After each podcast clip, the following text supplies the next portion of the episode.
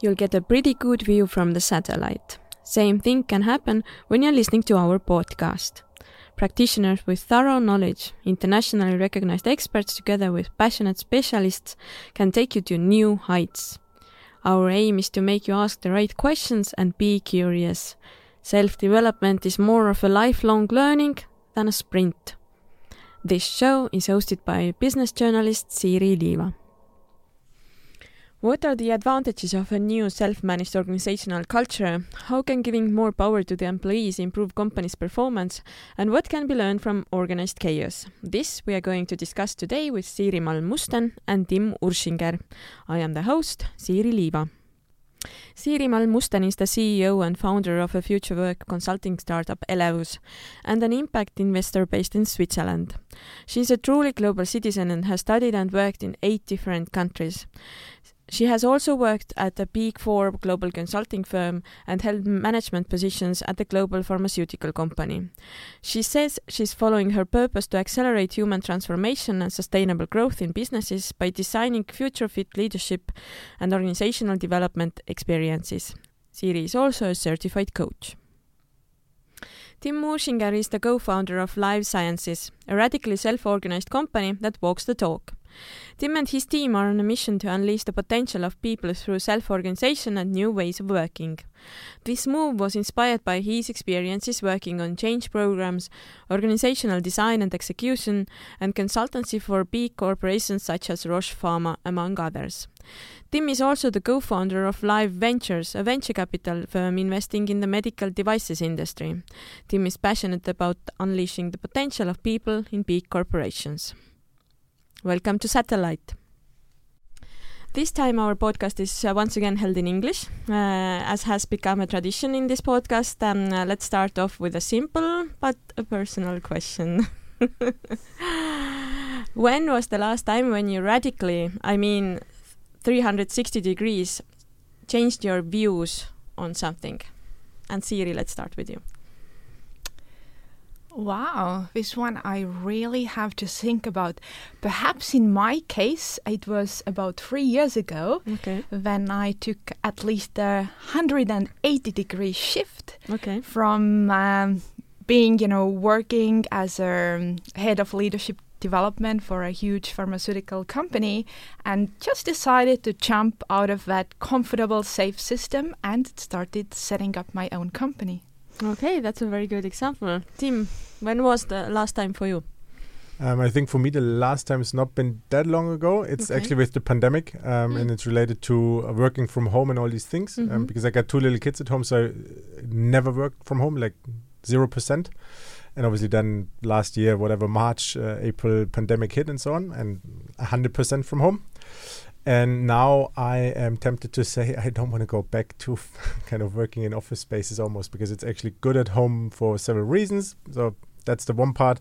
And then also uh, as a team, I was always advocating for we meet at least once a week, once a month in person as a team, which obviously didn't happen. And now we are almost not going back, or most of the of the folks don't want to go back to meeting physically as well. So that's that's been big shifts and it's working better than I thought. Mm-hmm. Yeah, I think this pandemic has brought that shift uh, for many organizations and teams. Okay, moving uh, on uh, more towards the topic of today's podcast. Um, uh, for some time, or even for a long time, we've had uh, this classical hierarchical organizational uh, structures. Uh, with, and we have plenty of companies and organizations still based on that. What are uh, the flaws of this kind of structure? Siiri. Well, based on my experience, it's kind of limiting everyone's potential and, and their strengths and talents in a company because, uh, especially in big companies, even if you are working already on a management leadership level, you are still such a mm, you know a small element in a huge system and the whole decision making is still going through levels of hierarchies it's basically just slowing down the whole communication decision making Um, it reduces generally people's creative thinking because, in the end, you are still kind of uh, responsible, uh, reporting to the management level above you. And that, unfortunately, also, especially in bigger organizations, creates a lot of these kind of political games and, and who is talking to whom, and at the same time, reducing the potential that each and everyone has in a company. Mm-hmm. Okay, you uh, mentioned uh, briefly uh, uh a large uh, pharmaceutical company you used to work for. How many uh, how many employees did they have? So about fifty thousand globally. Okay, okay, that's a lot. okay, uh, Tim, uh, do you want to add? Yeah, I think and there's there's one thing if you think about why do we have these hierarchical structures and where are they coming from? The second half of the 19th century, which means, for example, literacy level completely different, right? And and if we think about Estonia, also where we both work in uh, Switzerland, literacy level is um, close to 100%, of course. Right? So there, there's a totally different need for management, probably also compared to 19th century. So and there's different challenges, complex world. I mean, there, there's also increasing dynamic there. So there, there's just so many things where the system has not been built for, and we are still answering questions that we have today with that system that's almost 150 years old. So kind of naturally, um, it's not necessarily fit for current today's purposes. And then I agree with uh, Siiri that it, it's it's all of these things. And I think what we are looking mainly for in our European countries is innovation, and innovation is not coming from hierarchical systems. Mm-hmm. Okay, so basically we are uh, working at uh, on 21st century and we are using 19th century uh, models. Correct. Yeah. okay. Um, now I'm turning this question around. Why, in this kind of situation, the organizations should change? Mm. Tim, maybe we continue with you. Sure. Um, well, I think it, for for exactly these reasons. If you want innovation, if you want to um, kind of react to the outside world we're having, that the complexity is increasing, which means in a complex world or in complex systems, you cannot predict what's going to happen. And we saw it with the pandemic. We're seeing it all over the place with all sorts of things.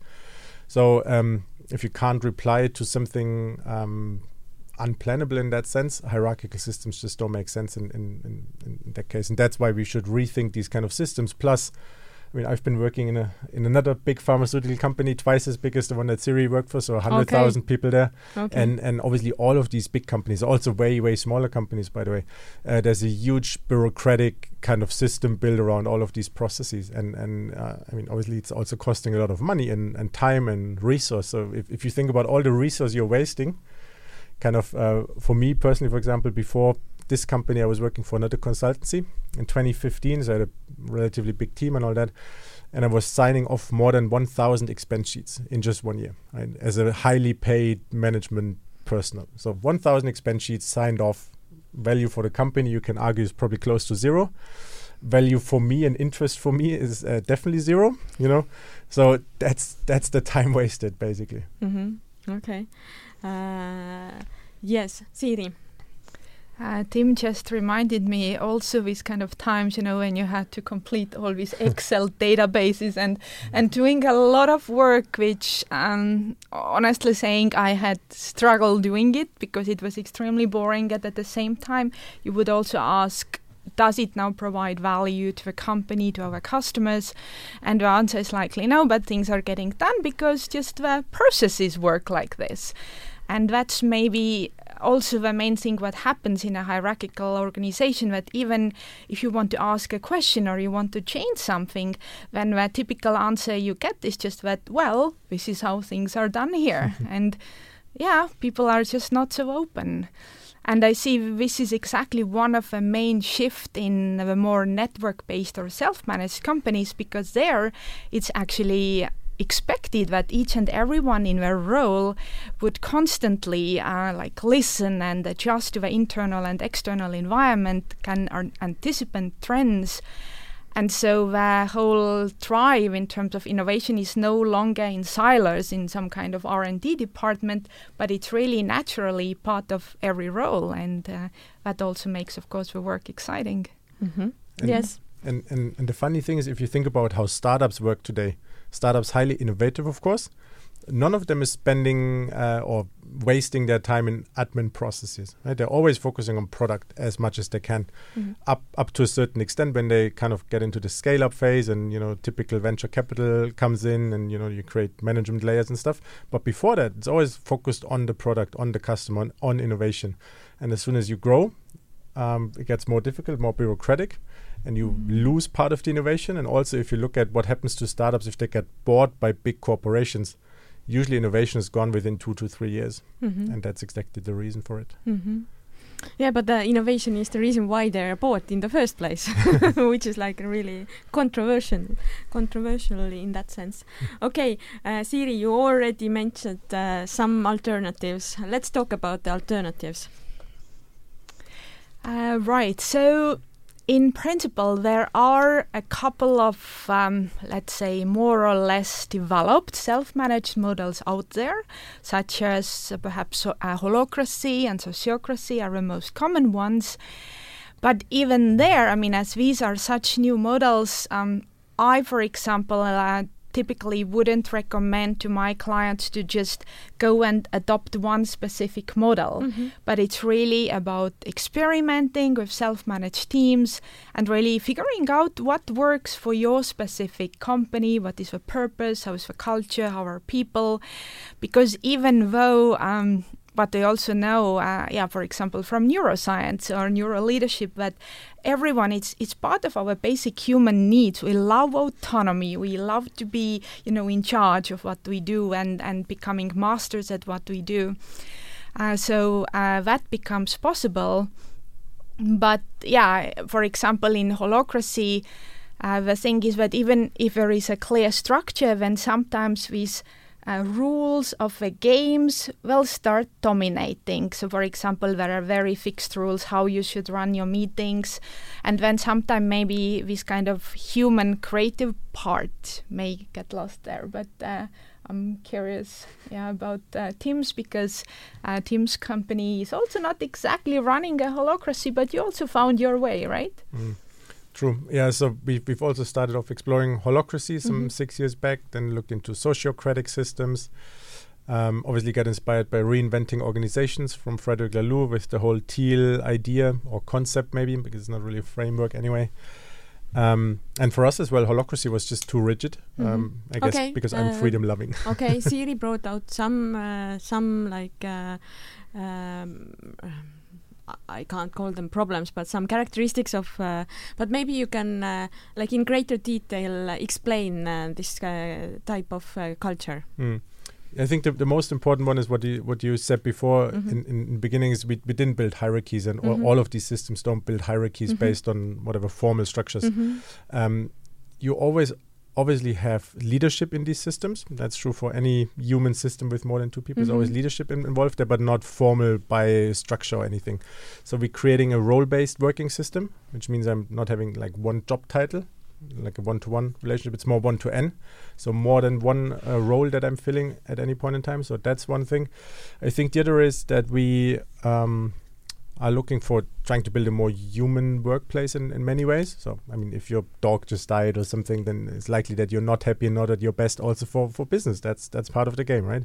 Or if your kids didn't sleep, so I can relate to that a little bit, you know, then, then there's just these things as well. And So moving towards uh, soulful organizations. Totally, exactly. So that's that's what Frederic would, would probably call it. Mhm. And then there's the other part, which I find really important, is if you think about, we're, we're always talking about lifelong learning and also adaptive organizations. Right? And I think one of the key concepts that you find in sociocracy and also in holacracy is uh, tension based development. So instead of reorganizing, restructuring your company every two to three years, typical cycles in big companies at least, um, you would go attention based, which means for us, for example, we have a monthly meeting similar to the holacracy governance meeting where we look at, well, are there any tensions? Is there anything that we are missing? Anything that's not working well? Any waste that we have, maybe talking about bureaucracy, right? Um, and we adjust it on a monthly basis. So instead of two to three year cycle, we're doing that on a monthly basis. So uh, assumingly, or maybe a bit simplified, you're like 20 to 30 times quicker than, than many of the big companies. And that's part of the culture as well. How can you be adaptive Mhm. and just try out things? I mean, I've been doing consultancy work for a long time. Most of the team did not. And, Mhm. and they try out things that I think, you know, I've done that, seen that, doesn't work. And at the end of the day, it still works. Sup- which is surprising and a good reason for not having a top-down hierarchy because I would have said no probably to some of these things. Yeah, that's interesting that in a certain context, uh, uh, certain things don't work, but in a different context, uh, they they uh, they work miraculously. exactly. Um, okay, we will come back to your company. So let's uh, uh, let's um, a little bit uh, dwell on on uh, on this topic. Uh, how um, uh, how well have been these new organizational models been received? Mm. Yeah, I I have to say, based on my experience, it's still mostly the smaller, small, medium-sized mm -hmm. companies whose leadership is much more open mm -hmm. to these kind of roles. Because, yeah, again, try to turn around a company with hundred thousand employees globally. Um, so yes, uh, I think worldwide they say there are like a couple of thousand companies officially running on Holacracy. Okay, a couple of thousand. Um, mm-hmm. But mostly, yeah, of course, these are the startups who start, um, you know, having maybe 20, 30 people, and then at some point need to decide, okay, how mm-hmm. are we going to structure ourselves? But based on my experience and what we also recently talked at the conference, uh, it's really a lot about also top leadership own mindset. What do they believe in? Because in the end, it's a courageous question to them. Are you ready to give away your power, so to say, to trust your people, to empower your people? And yeah, this is some leaders are ready for that, some mm-hmm. not. When you say that uh, globally, they say that there's a couple of thousand uh, uh, companies uh, working on Holacracy. Um, is there like um, any geographical concentration of this kind of companies, or is it all over the world? I think it, it's mostly um, the Holacracy company is mostly US based because US based. Holacracy mm -hmm. was kind of developed in the US. Mm -hmm. Then mm-hmm. if you look at, at Europe, obviously there's there's quite some as well. Mm -hmm. um, but if you look at the global distribution of self-managed organizations, then it's it's globally on, on, on all continents. And I don't know, we are also looking into Teal Around the World conference that we mm-hmm. are running together, and, and we got speakers from all all over the globe. It might not be holacracy or sociocracy. That's probably more the western part mm-hmm. of the world, if you wish. But then in, in Japan, in, in China, there's there's big self-managed organizations as well, and, and you would find it really ac- across the globe. Mm-hmm. And and even in, in cultural areas where you and I probably here in Europe would say that's not necessarily um, the easiest foundation to start with, mm-hmm. like a Chinese uh, kind of political system that's probably not exactly self-managed, or a Japanese really traditional mindset in the in the social in the society and, and and kind of you know really hierarchical type of thinking and and then obviously they're running self-managed companies as well mm-hmm. okay that that's actually for me also surprising to hear that because uh, you would think that uh, if a society has like really strict rules how things are run, mm. then it, they are much more reluctant to uh, try different uh, ways uh, in their company cultures. But uh, this is good to hear. yes, Siiri. Uh, I sense, I guess, actually, that many of Estonian technology startups or bigger companies likely also implement at least some kind of mm-hmm. self management. Mm-hmm. And for example, I heard the IT company Proekspert was here, mm. one of the first companies to, yeah, officially implement holacracy. Oh, okay. Um, because, yeah, I think somehow uh, we are also um, I'm lucky here in terms of our working environment mm-hmm. to have smaller companies, to have more freedom in what we do. Mm-hmm. But of course, now I have also been away from Estonia about 13 years, so yeah. Uh, yes, and uh, well, we can come back to that uh, later. Uh, how how the traditional companies here are are making changes. But um, you already mentioned some things um, why the new organizational models are radically different. Is there something else you want to emphasize uh, in self-managed uh, structures? I think that there's one thing that's important also, uh, same as for any big buzzword like agility, self-management, whatever, always is important to define what we're actually talking about because mm-hmm. also self-management is a fairly broad range of things that it could Very mean or, or does mean or does not mean actually okay um, so that that's maybe one thing to mention and, and I think the other is um, that there's many kind of gray areas in between the Mhm. black and white space, right? And and there are. So we yesterday talked about. Uh, f- flatarchies as well kind of flattening the hierarchical systems Mhm. as well and, and and that could be helpful um, if you look at lean management for example which is also Mhm. 60 70 years old now almost Mhm. um, there, there are certain elements that are fairly self-managed. And, and also from a leadership perspective uh, you, you can draw from these relatively old theories there. So it's it's not always you have to kind of turn everything upside down black and white. I think there's also some good steps in between. And, and if you look at these and i'm pretty sure for the bigger estonian companies it's the same you will likely have some steps in the right direction already Yes, my first thought when I was listening to you was also that uh, it uh, it sounds a little bit like uh, lean lean management uh, model or, or system or I don't know how to call it. okay, Siiri, do you want to add? I guess one element what is also radically different in self-managed companies is that mostly uh, these companies have a well uh, defined purpose. Mhm. So why does the company exist at the first place? And this is also something where we see a huge shift away from just being focused on generating as much profit or shareholder value as possible, but now a shift and question is really what is the company's value to the wider society? How do we contribute to the environment? And normally, um, and what I already also hear among younger generation, that when they go for job interviews, I mean, they ask the company, "Why would I join? I mean, why do you actually exist at the first place? Why why I should uh, why choose should you? I join you? Exactly. And and then indeed, because the self-managed companies work in such an entrepreneurial way. I mean, everyone is in a way like an entrepreneur or intrapreneur, and at least within a company, and there has to be some kind of truly attractive uh, uh, a purpose which really makes everyone enthusiastic and. Uh, and so that people come to work on Monday morning with uh, shining eyes and want to contribute. Mhm. Okay, well, uh, there is um, like a concept that uh, you yourself uh, use for the, for turning the um, organizational cultures around. Uh, uh, uh, this is called um, future fit organizations. So, what are the core principles of future fit organizations? So indeed, we have already talked about uh, two of those. So having a evolutionary or this kind of higher corporate purpose comes first. And then indeed a structure which is self-managed or in other words network-based. What we a little bit also touched upon, the third element is that these companies are truly evolutionary in a sense that innovation happens every day and there is no longer such a thing as change management. And finally comes also the stakeholder orientation. Uh, as I mentioned, it's no longer just about focusing on shareholders, but but truly widely what is my value to my employees, customers, other organizations, communities working on similar purpose, or even how do you co-create with your competitors. Mm-hmm. Mm. Okay, Tim, do you want to add?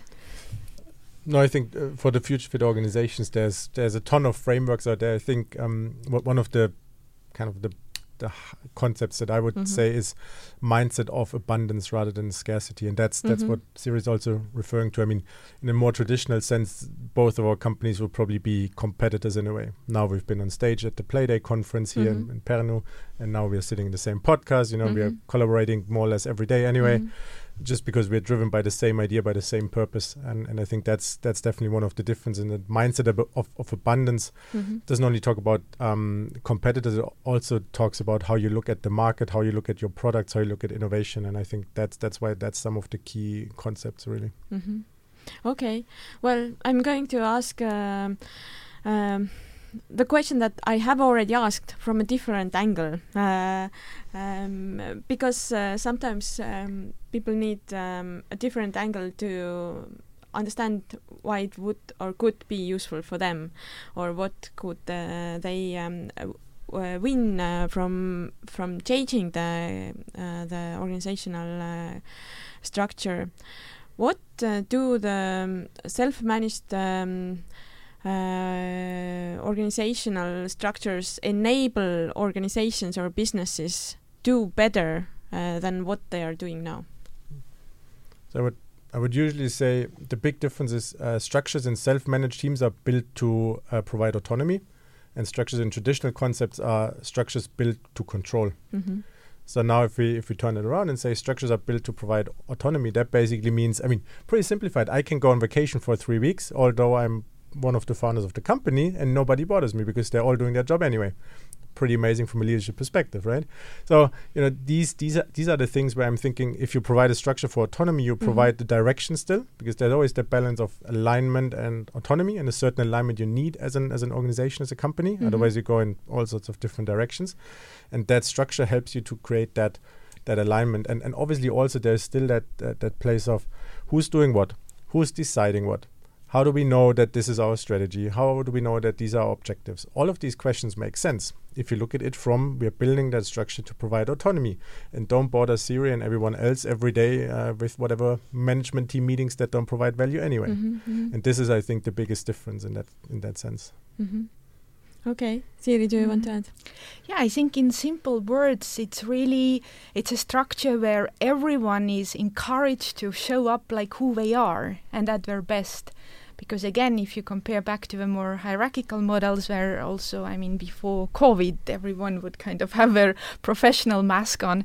Um, but yeah the self-managed companies have um, a great level of you know psychological safety. So you can speak up if there are tensions even tensions are welcome because this could also be a source of innovation and when people operate in such an environment where they can just be themselves and bring in their best ideas, like this is also then exactly how innovation starts happening, how things are moving faster. It's kind of also a fail forward approach because you can do mistakes as long as you, you know, learn quickly and, and move on. Mm-hmm. Okay. Yeah. But now I'm going to uh, ask uh, maybe to uh, intrigue a little bit. Uh, uh, a question that uh, who might be uh, who might feel threatened by this kind of uh, new organizational structures or mm. models? Typically threatened, if you look at traditional organizations, obviously middle management, maybe senior management as well, because that's that's the layers that are there to control mainly mm-hmm. today, to manage people, and that's what you would say we don't need that because they're smart enough anyway. They can do without you as long as you provide direction. So these guys feel threatened. Mm-hmm. And I guess also being part of a self managed team makes you anxious to a certain extent mm-hmm. because there's more accountability on yourself, of course. Right? There's there's nobody that you can just go back to and say, "Can you tell me should I go left or right?"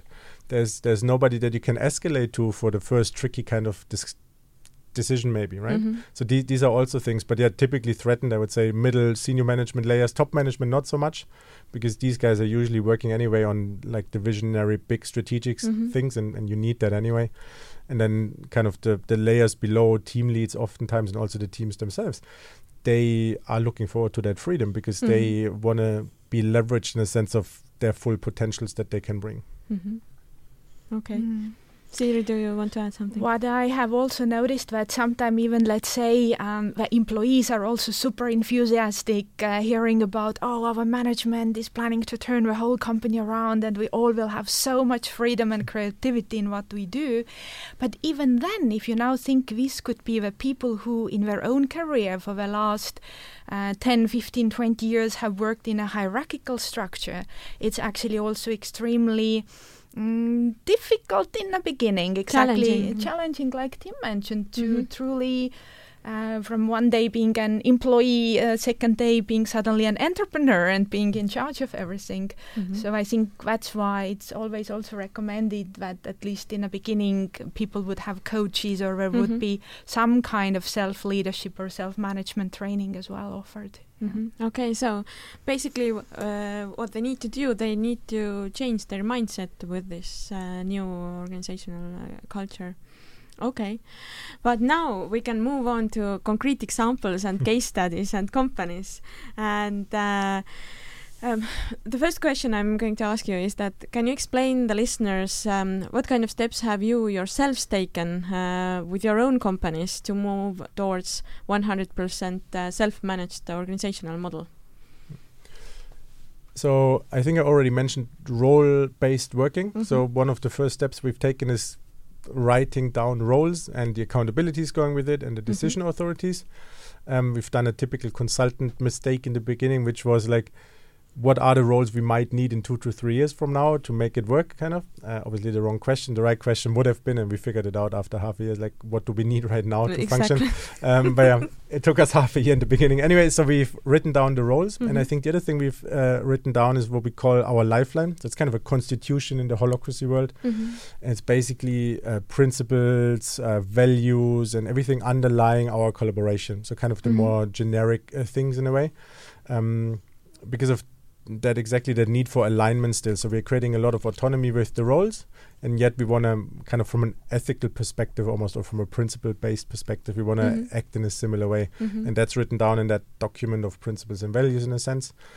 Um, and I think the other thing that uh, that always is true is it takes time in the beginning to have these conversations. So, Mhm. what do we mean if we say trust? Mhm. What do we mean if we say courage, uh, transparency? You know, these typical buzzwords that we're all using, Mhm. and all of us would say we like transparency. Mhm. Okay, do you like transparency if your salary is transparent as well to all of your colleagues? You know, Mhm. then then it gets a bit more interesting Mhm. conversations usually, and, and so we've taken a lot of time in the beginning to discuss some of these buzzwords really. Okay, so you Um, have to define them. You have to like I- uh, have a discussion uh, ar- around those uh, concepts. I think so. Yes, exactly. And and to be quite honest, some of these conversations come back. So we've we've been running the self-managed web for almost six years now, and I think I've discussed purpose felt like 27 times, and I'm more on the efficiency side, so uh, maybe a bit impatient. You know, so we've discussed our purpose 27 times almost because of the team dynamic changing. There's different constellations in the team. There's probably a purpose also slightly moving in a sense. So some of these conversations come back, and I think actually the the conversations are more valuable than whatever five bullet points in a document that's defining the word. hmm Yeah, yes, and sometimes people need a reminder of where we're heading. Um, okay. Uh, when you said that you uh, were putting down the roles and you also put down the um, guiding principles, isn't that a really bureaucratic thing to do? Um, yes, in a way, I, I think so. And and there's there's also that question of how granular do you put it down? Mhm. And we have so we are roughly 20 people, and we probably got like 15, 18 roles or something. So it's Okay. relatively lean in Okay. that sense. Um, but we we also have uh, companies we we work with where Mhm. there's like 100 people in the team. They have Mhm. 300 roles, completely overdone, right? Completely bureaucratic mindset. So it's more like again guiding directional Mhm. type of roles and, and the same is true for our principles you, you can write a book about it and, and our document is probably like 10 12 pages and that's good enough really Mhm. um, and we've adjusted it over over time as well so i would say um, i would always go for writing down some things especially if you're growing the company Mhm. because it's it's always kind of tribal knowledge in the heads of the people who are there the longest but then again a few things written down will help because i can also refer back to it and say Siiri, look we've said we want to act like this and what i've observed is really something different Mhm. So if you haven't r- written it down, some of Mhm. these kind of tensions or conversations get really difficult. So Mhm. I think um, you also mentioned psy- psychological safety before. So if we talk about big companies, there's usually not such a high level of psychological safety, and writing some things down, kind of stakes in the ground, helps to increase at least the trust that it's serious and, and it's Mhm. credible and not just some kind of you know lipstick on a pig type of exercise. Mhm. Yes, and probably it's uh, good for the uh, people themselves as well to like sometimes open this document and uh, like get support for uh, I don't know some uh, things that they are struggling with or, or or problems they need to tackle. Okay, Siiri, what kind of steps have you taken? Yeah, in my case, I took a different path. At least uh, it is something I have been experimenting over the last three years. And that means that I am operating through a network of companies. So I personally, or in my company Elavus, I don't have any emplo- uh, employees because um, in my case i just i don't know i just love so much the freedom of working in an entrepreneurial way that somehow i just can't employ someone like i i don't know from my heart I, I just can't make anyone my employee. Maybe it's gonna maybe it's gonna totally change. And that means that i'm working closely with other similar purposed companies just like tim and life sciences. Even though in the beginning we also did discuss oh should i be perhaps joining life sciences? But i'm just uh, realizing that um, yeah as tim mentioned it's such actually it's a world of abundance. And And if you're really trying to make some bigger change happen in a business world or society, when you realize that, yeah, all the other companies, similar organizations, they would rather co create with you. And it really works this way. So, in my case as well, it depends what kind of project I got in, um, what kind of transformation it is.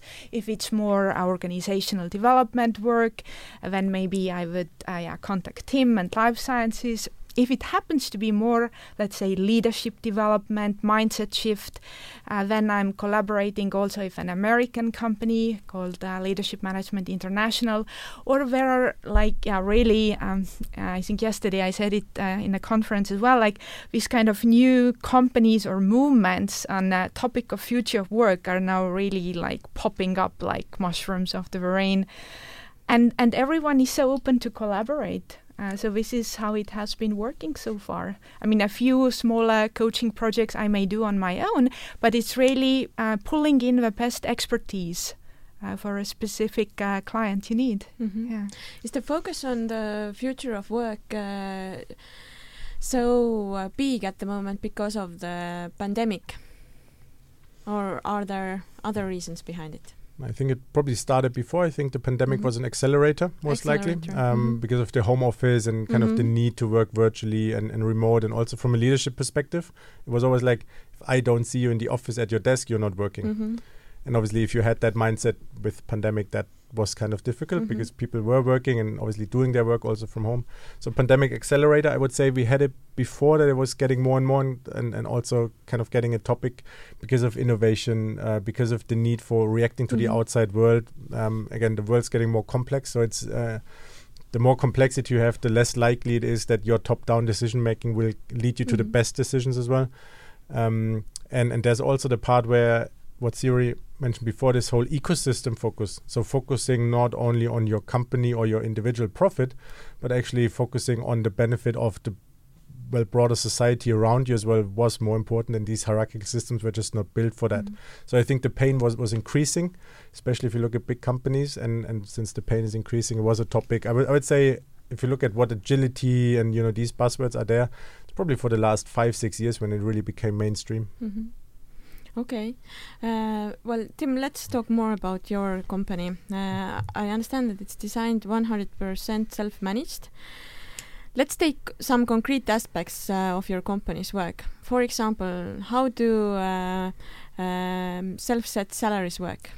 I think that's that's probably the things that are most shocking to most people. Is, um, so we do have self-set salaries uh, without criteria is defined, without a waiting list or something, right? It's just you can define your salary yourself, completely free range. There's also no levels or containers or whatever. It's just free range.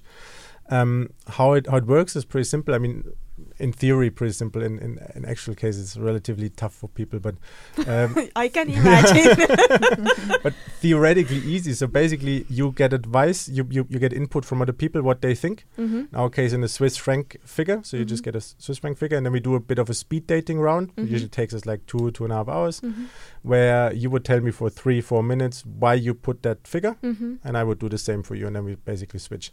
So mm-hmm. within two hours, you get input of 10 plus people why they think this should be your salary.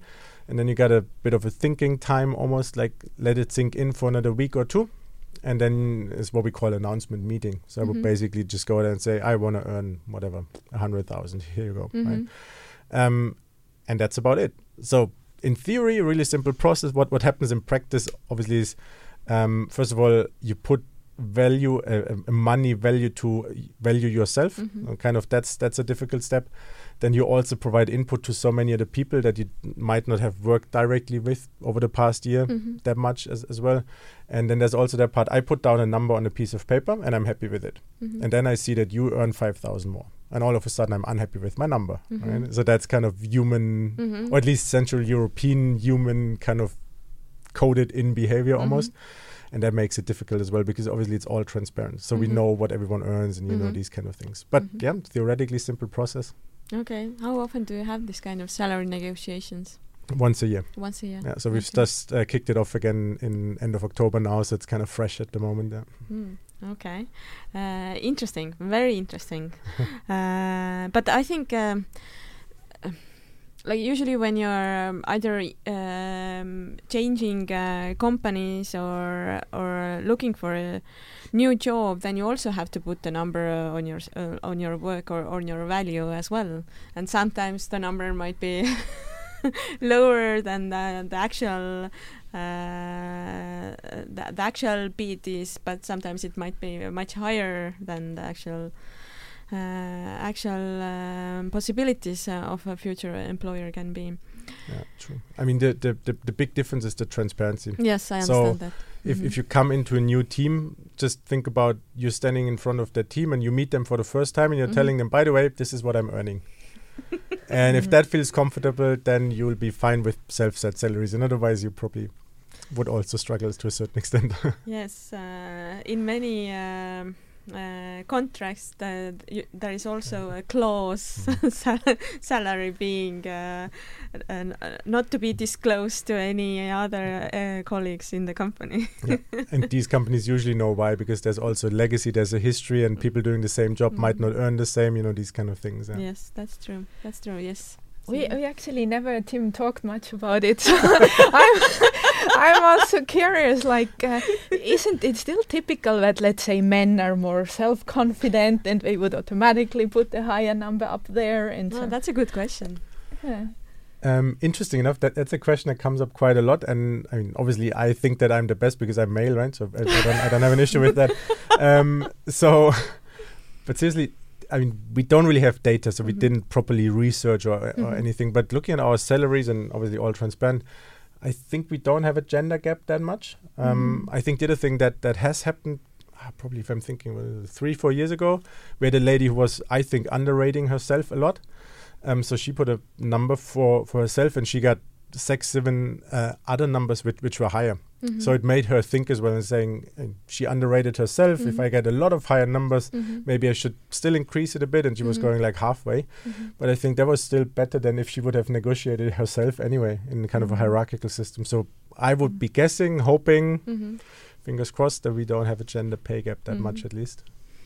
Yes, probably here in Estonia it's a really uh, difficult problem or difficult question because uh, for many years we have been leading the EU gender uh, gap uh, uh, Top, Statistics, or yeah. or Mm. the yes the Mhm. the list. Yes, um, but um, is there a CEO in your company? so if you look at LinkedIn, then I will say that I'm the CEO. Uh, if if you look at uh, what we call the company register in Switzerland, where we Mhm. register our companies, you need to name a managing director. Mhm. There's no way around it because of Mhm. uh, legal liabilities and all that. So yes, we do have a name in there. Um, but if you look at our roles, for example, Mhm. there's no CEO role. Mhm. If if you look at decision making Mm-hmm. processes or whatever, there's no CEO decides this or that. So in that sense, we don't have one in a day to day work. We legally have one who would go to jail. Yeah, and unfortunately, that's me. So yeah, here we go. somebody has to take the responsibility. Okay, but how do you evaluate performance? or tricky one as well. Um, always comes up in our salary process, um, Okay. right? Because there, there's always that question: How do I set my salary? Mhm. Does it relate back to performance? Does it not? So we know what's what's important for the business, of course, and it's always related to the services that we provide, Mhm. to to business development, to sales to a certain extent, and then there's still the parts that we value. Whatever you want to call it, internal culture, in integration of people. Mhm. You know these holistic uh, things as well. So defining performance is difficult. We don't have KPIs on an individual level. So we do have company. indi- no, individual level, you don't have no, them. we, we we do have um, company KPIs, of course, Okay. and there's the typical things: cash flow, pipeline. You know, the typical things you have to know. Mhm.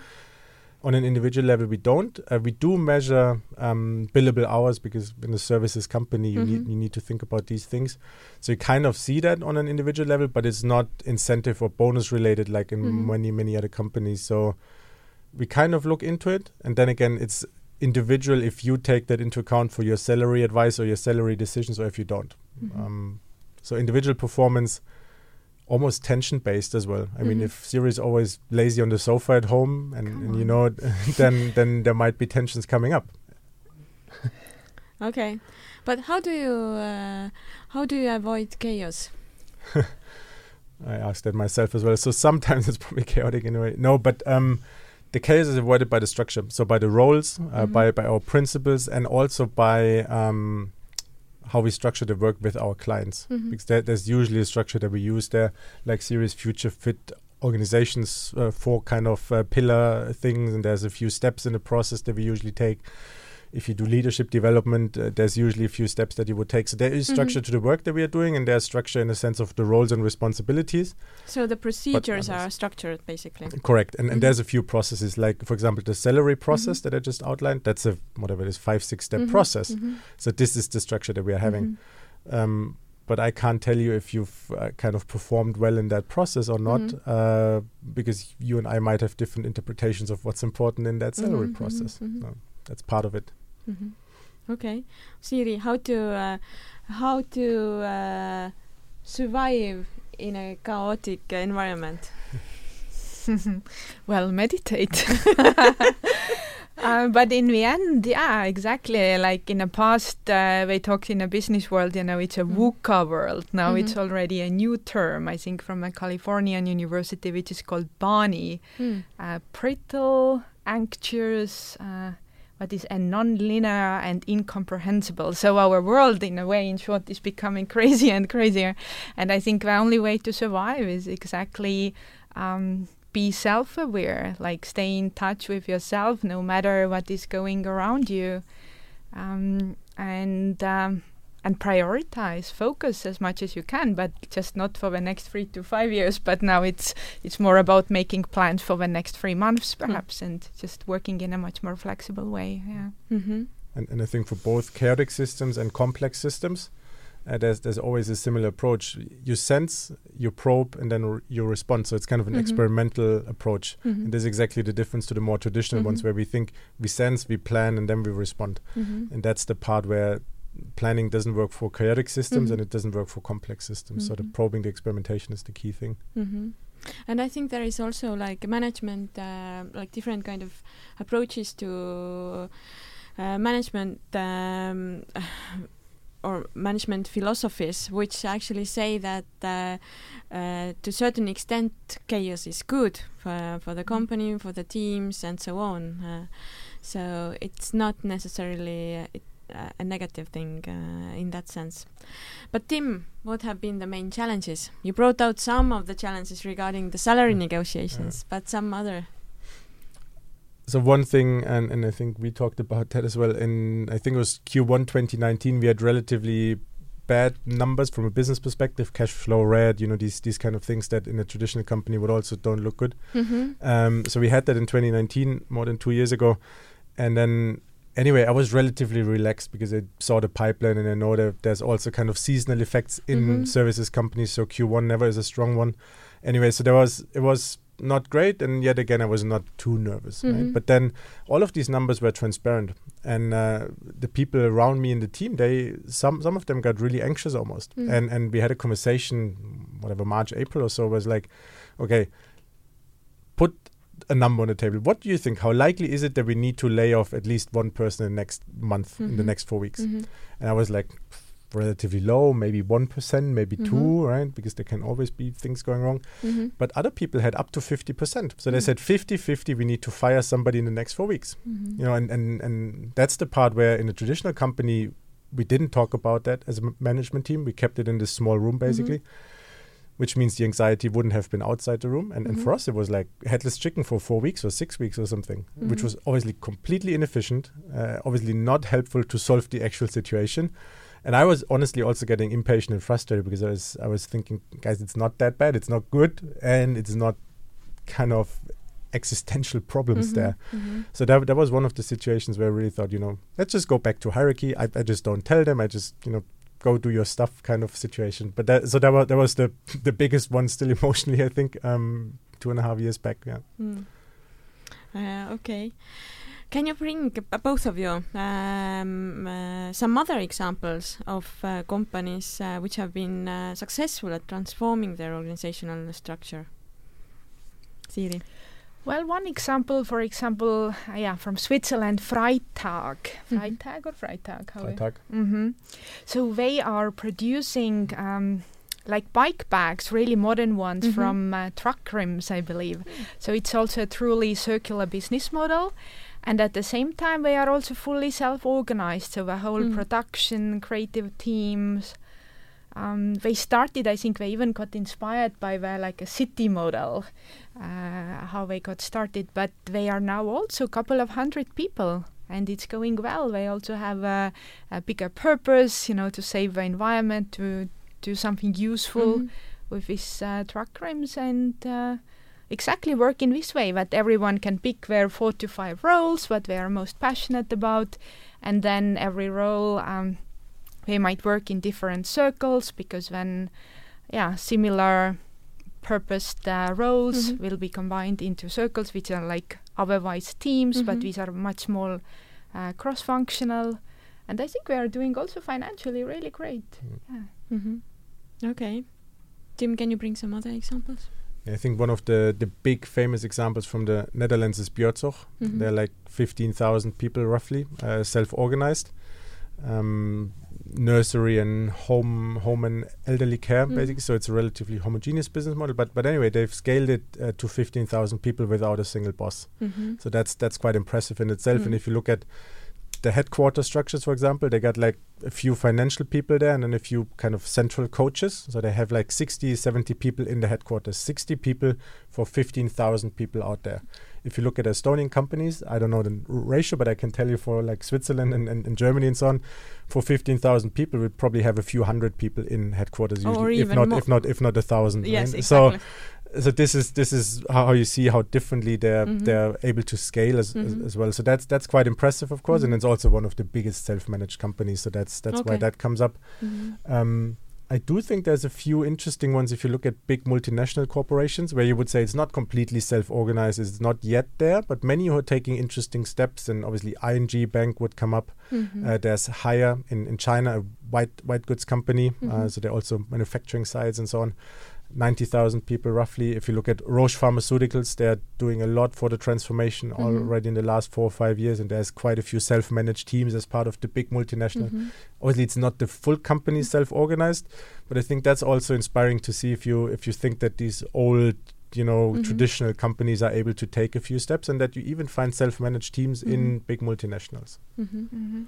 And and even in manufacturing sector, because I guess in the past it was believed okay, self management is something yeah you can easily do in every IT company or tech Mm. firm, Yeah, consultancy. service, uh, Uh, but yeah, management. try to do it in a ninety thousand company like uh, we have Michelin, for example, uh, which is pretty famous, where even this kind of uh, self-managed experiment started also bottom up. Mhm.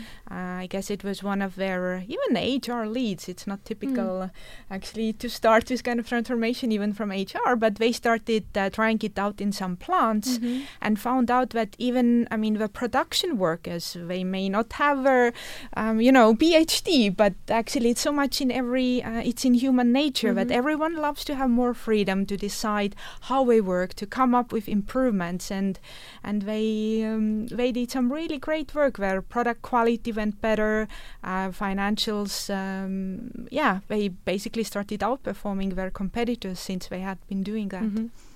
Yeah, I think uh, in any situation when you have uh, some ownership uh, in the game, then you are more uh, you you start thinking about how to improve uh, the processes and uh, how to like make things better. Um, what could uh, become um, obstacles in in implementing self-managed uh, culture? I think there's, there's probably different cases. One, if you start greenfield Mhm. and you s- create Mhm. everything from scratch, then I think it's that we all have history. I mean, I've also working been working in big pharma. I've Mhm. been working in traditional consultancy. Mhm. So the biggest obstacle is the first crisis. You kind of go back to your typical patterns and the things that you learned, obviously, right? Um, so that that's then a kind of a self-awareness, consciousness question. I think if you talk about transforming, for example, a multinational company, then there's always that part. The self-management starts as a small cell. Usually, It- it's not like you have a hundred thousand people working self-organized mhm. tomorrow. Um, and and also there, there's kind of the organizational immune system kicks in because you're questioning some management structures, especially senior middle management. Mm-hmm. You're questioning certain processes, um, and and status of managers is often coming back to I have information that nobody else has, Mhm. and I can decide on things that nobody else can decide on. Mhm. So kind of the immune system kicks in as soon as you start start questioning Mhm. these these things. So that's a hurdle certainly, and then obviously it's also the level of complexity. If you Mhm. operate like the big pharmaceuticals that we both work Mhm. for, I mean they're operating in a hundred different countries or more. They're having many different production sites, incredibly complex supply chain. You know, so there's there's all of these things where self management doesn't have an answer for it. But then again, no other management system has an has an answer for it e- either. Right? So Mhm. there is that part that kicks in. So there's there's a ton of um, ton of these hurdles, and I think the last one, probably the most important one, I think is uh, ego, ego Mhm. of people.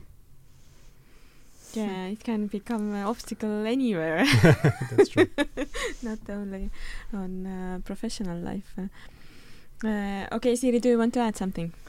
Uh, just yeah, perhaps briefly to comment on that because when I became active in this future work uh, field and I was really reading like tons and tons of books, you know, of course, reinventing organizations, but hum- humanocracy, where it's conscious capitalism, where it's integral business, and the list goes on. But actually, what is behind all these concepts and what's the major difference is really the mindset shift.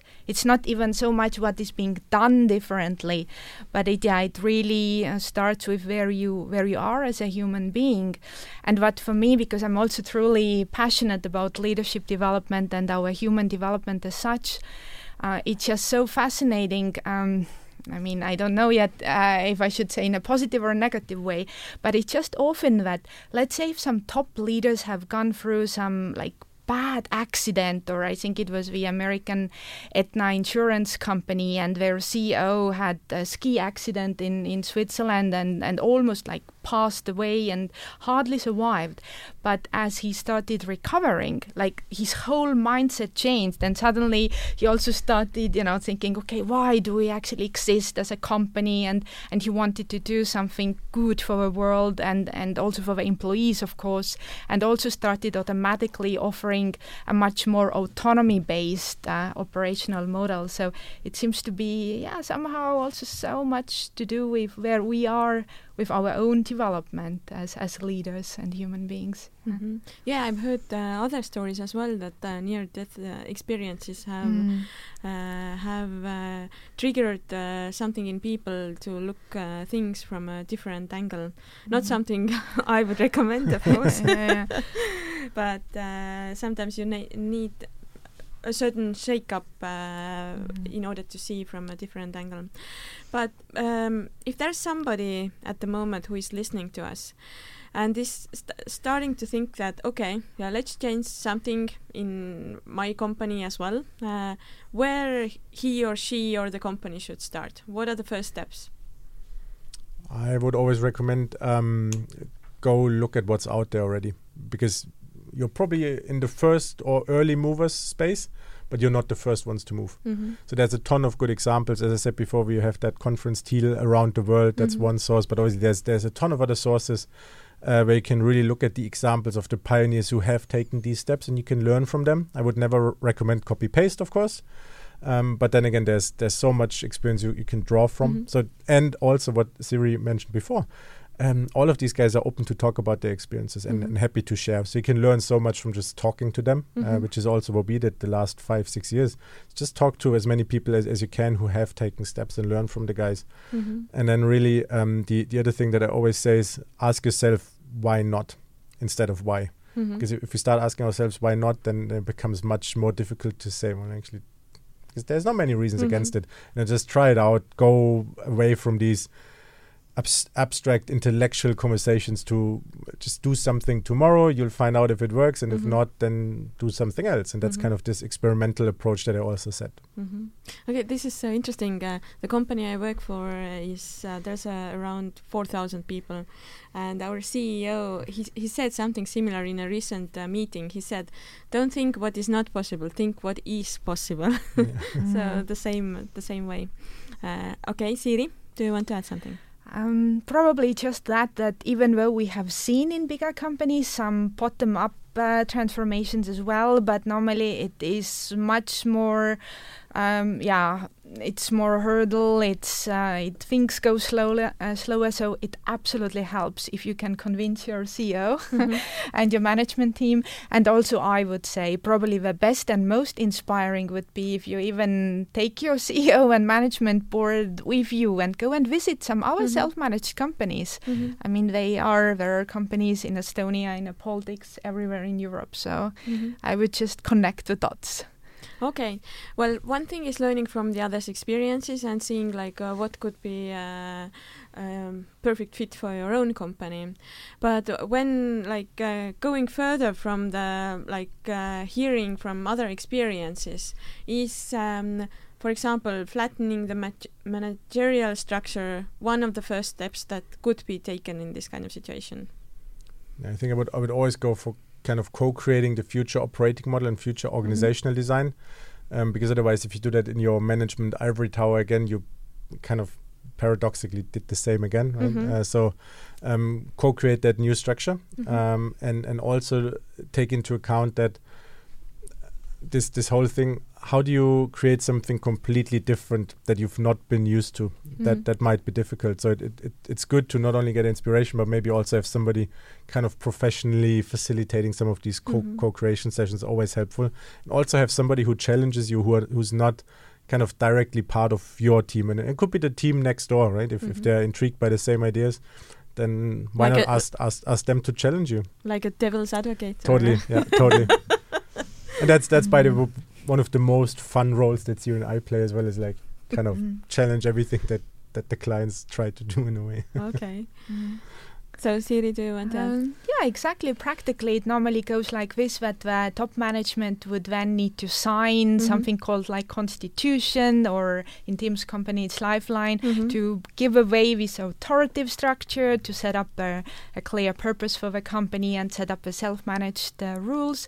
And then companies would typically also really map up, like uh, map out what is the value stream in their company, mm-hmm. like which are the most important roles, mm-hmm. which are the most important circles, mm-hmm. so to say, uh, the company may need. And then from there, the structure starts actually developing mm-hmm. in an evolutionary way because then in every role uh, people will see hmm, do i need someone else do mm-hmm. i need to mm-hmm. split my role and then it's like in kind of in human body you know the cells are also self-organized and it keeps on evolving mm-hmm. yeah Okay, uh, to, to to wrap up the um, uh, the conversation here, what do you think when uh, self-managed culture uh, becomes mainstream? Hmm.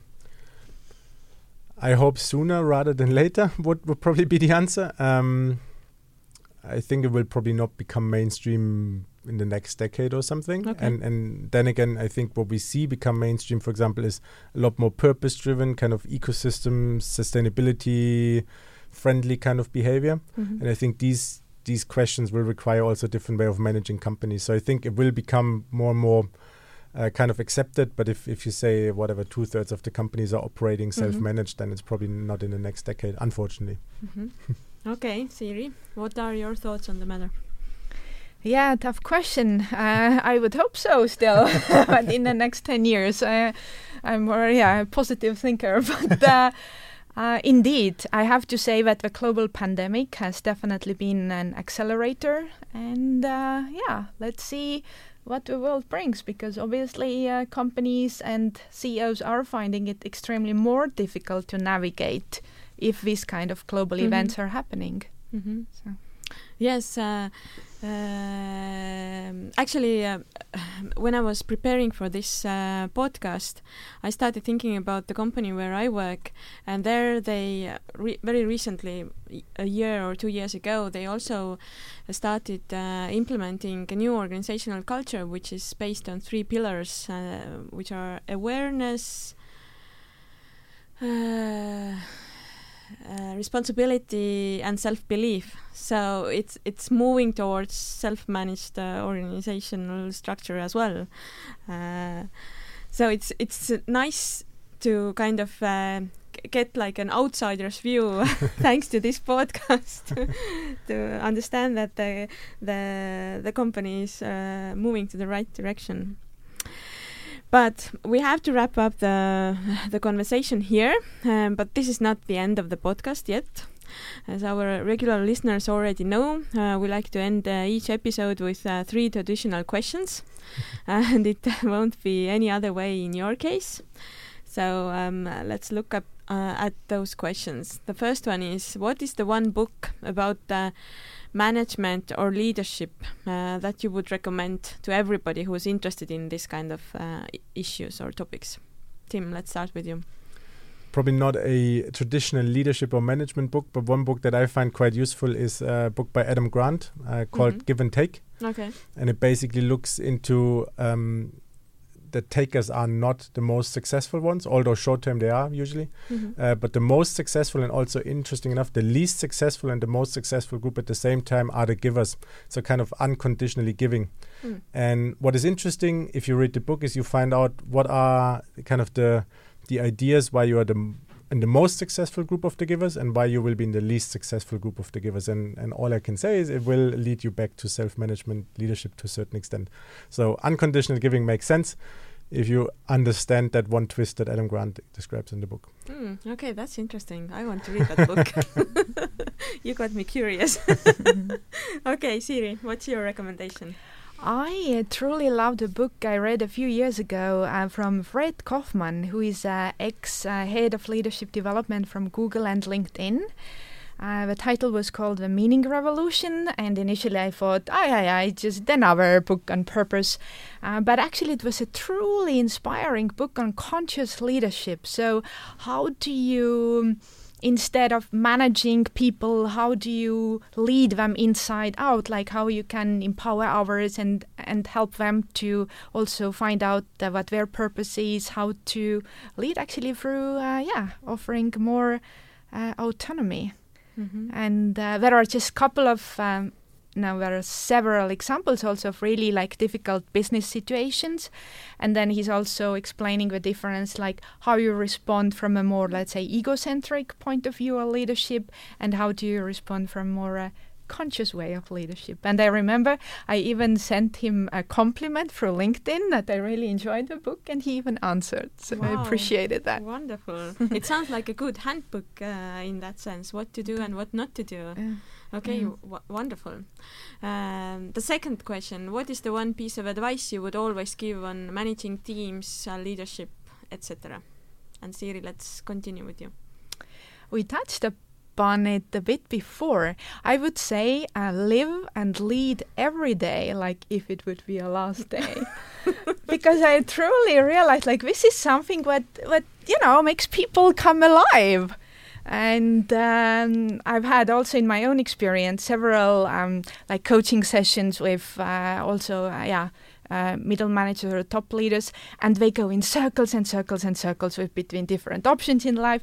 And then you just need to pose a question: What would you do if you would only have three or five years left to live? Mm. And then, boom, that's the answer. You know, in a few seconds. So yeah, it has helped me, and I hope it helps others. ah, that's an interesting angle. I, I've heard a lot of this. Uh, think as if today is the first day of the rest of your life. but uh, but this is an interesting, mm-hmm. uh, interesting, interesting uh, concept. Okay, Tim, what is your one piece of advice? I think I, I really like the uh, Steve Jobs quote, and, and, and he said once something along the lines like, uh, you hire the smartest people mm-hmm. not to tell them what to do now mm-hmm. right because otherwise you could have just hired somebody mm-hmm. um, and and I think that's how I look at leadership as well if you I mm-hmm. mean I I, I don't think I know everything I, I don't think anyone knows everything, obviously. And with the world becoming more complex, uh, you should provide a bit of leadership in the sense of providing that direction, uh, but providing structure for autonomy, as I said before. And I think Steve Jobs obviously put it quite nicely in just that one sentence. Mm-hmm. Yes, Steve Jobs has uh, had many good quotes. Uh, sometimes I, uh, there are se- several ones which I go um, back in, like in my life as well. Um, okay, and the last question: What is the one skill could be related to management and lead leadership, but uh, could be something else? You feel you still need to work on yourself. And Tim, let's continue with you. Patience. Patience. I am sorry, Siiri. I am. yes, I'm, you've mentioned it several times. I am. it I'm doesn't totally come as a surprise. No, no, I'm, I'm, I'm totally impatient. I'm, I must say, and and it doesn't necessarily always help in all of the leadership situations either. Um, so yeah, uh, also that efficiency value that I have combined with patience or Mhm. the impatience uh, will drive some of my my colleagues nuts, uh, Mhm. and and I do know that. So apologies for that uh, from here. okay, but it's a work in pro- progress. I understand. Somehow, yeah, probably will be for a bit longer. okay, thank you, Siiri. Uh, well, uh, Tim just took the word out of my mouth. Yeah, I, I couldn't understand. You like, saw my why, reaction. why did you react like that? But now I yeah, because we definitely did not coordinate his answers. um, but I have to, like in my case, yeah, maybe more from this angle that I'm like already so used to co-create with other entrepreneurs and and leaders like Tim, and you know these guys are all so enthusiastic about the purpose and changing the world. But from time to time, of course, you still have clients who are maybe not yet there or just come along slower, and then it's really the skill to to meet people where they are. Yes, and, and take time to to walk w- together with them towards the same uh, direction. Mhm. Exactly. Okay, well, I, I'm so uh, happy that you uh, have the chance to come to the show. Uh, I'm not so happy that uh, we have run out of the time, and uh, this pr- pretty much uh, sums uh, up the discussion this time. So this was our today's episode. Um, thank you, Siiri. Thank you, Tim. Thank you to all our listeners as well. And until next time. Thank you. Thank you. This was ABS Podcast Satellite. Listen to our other episodes on Apple Podcasts, Spotify, and YouTube.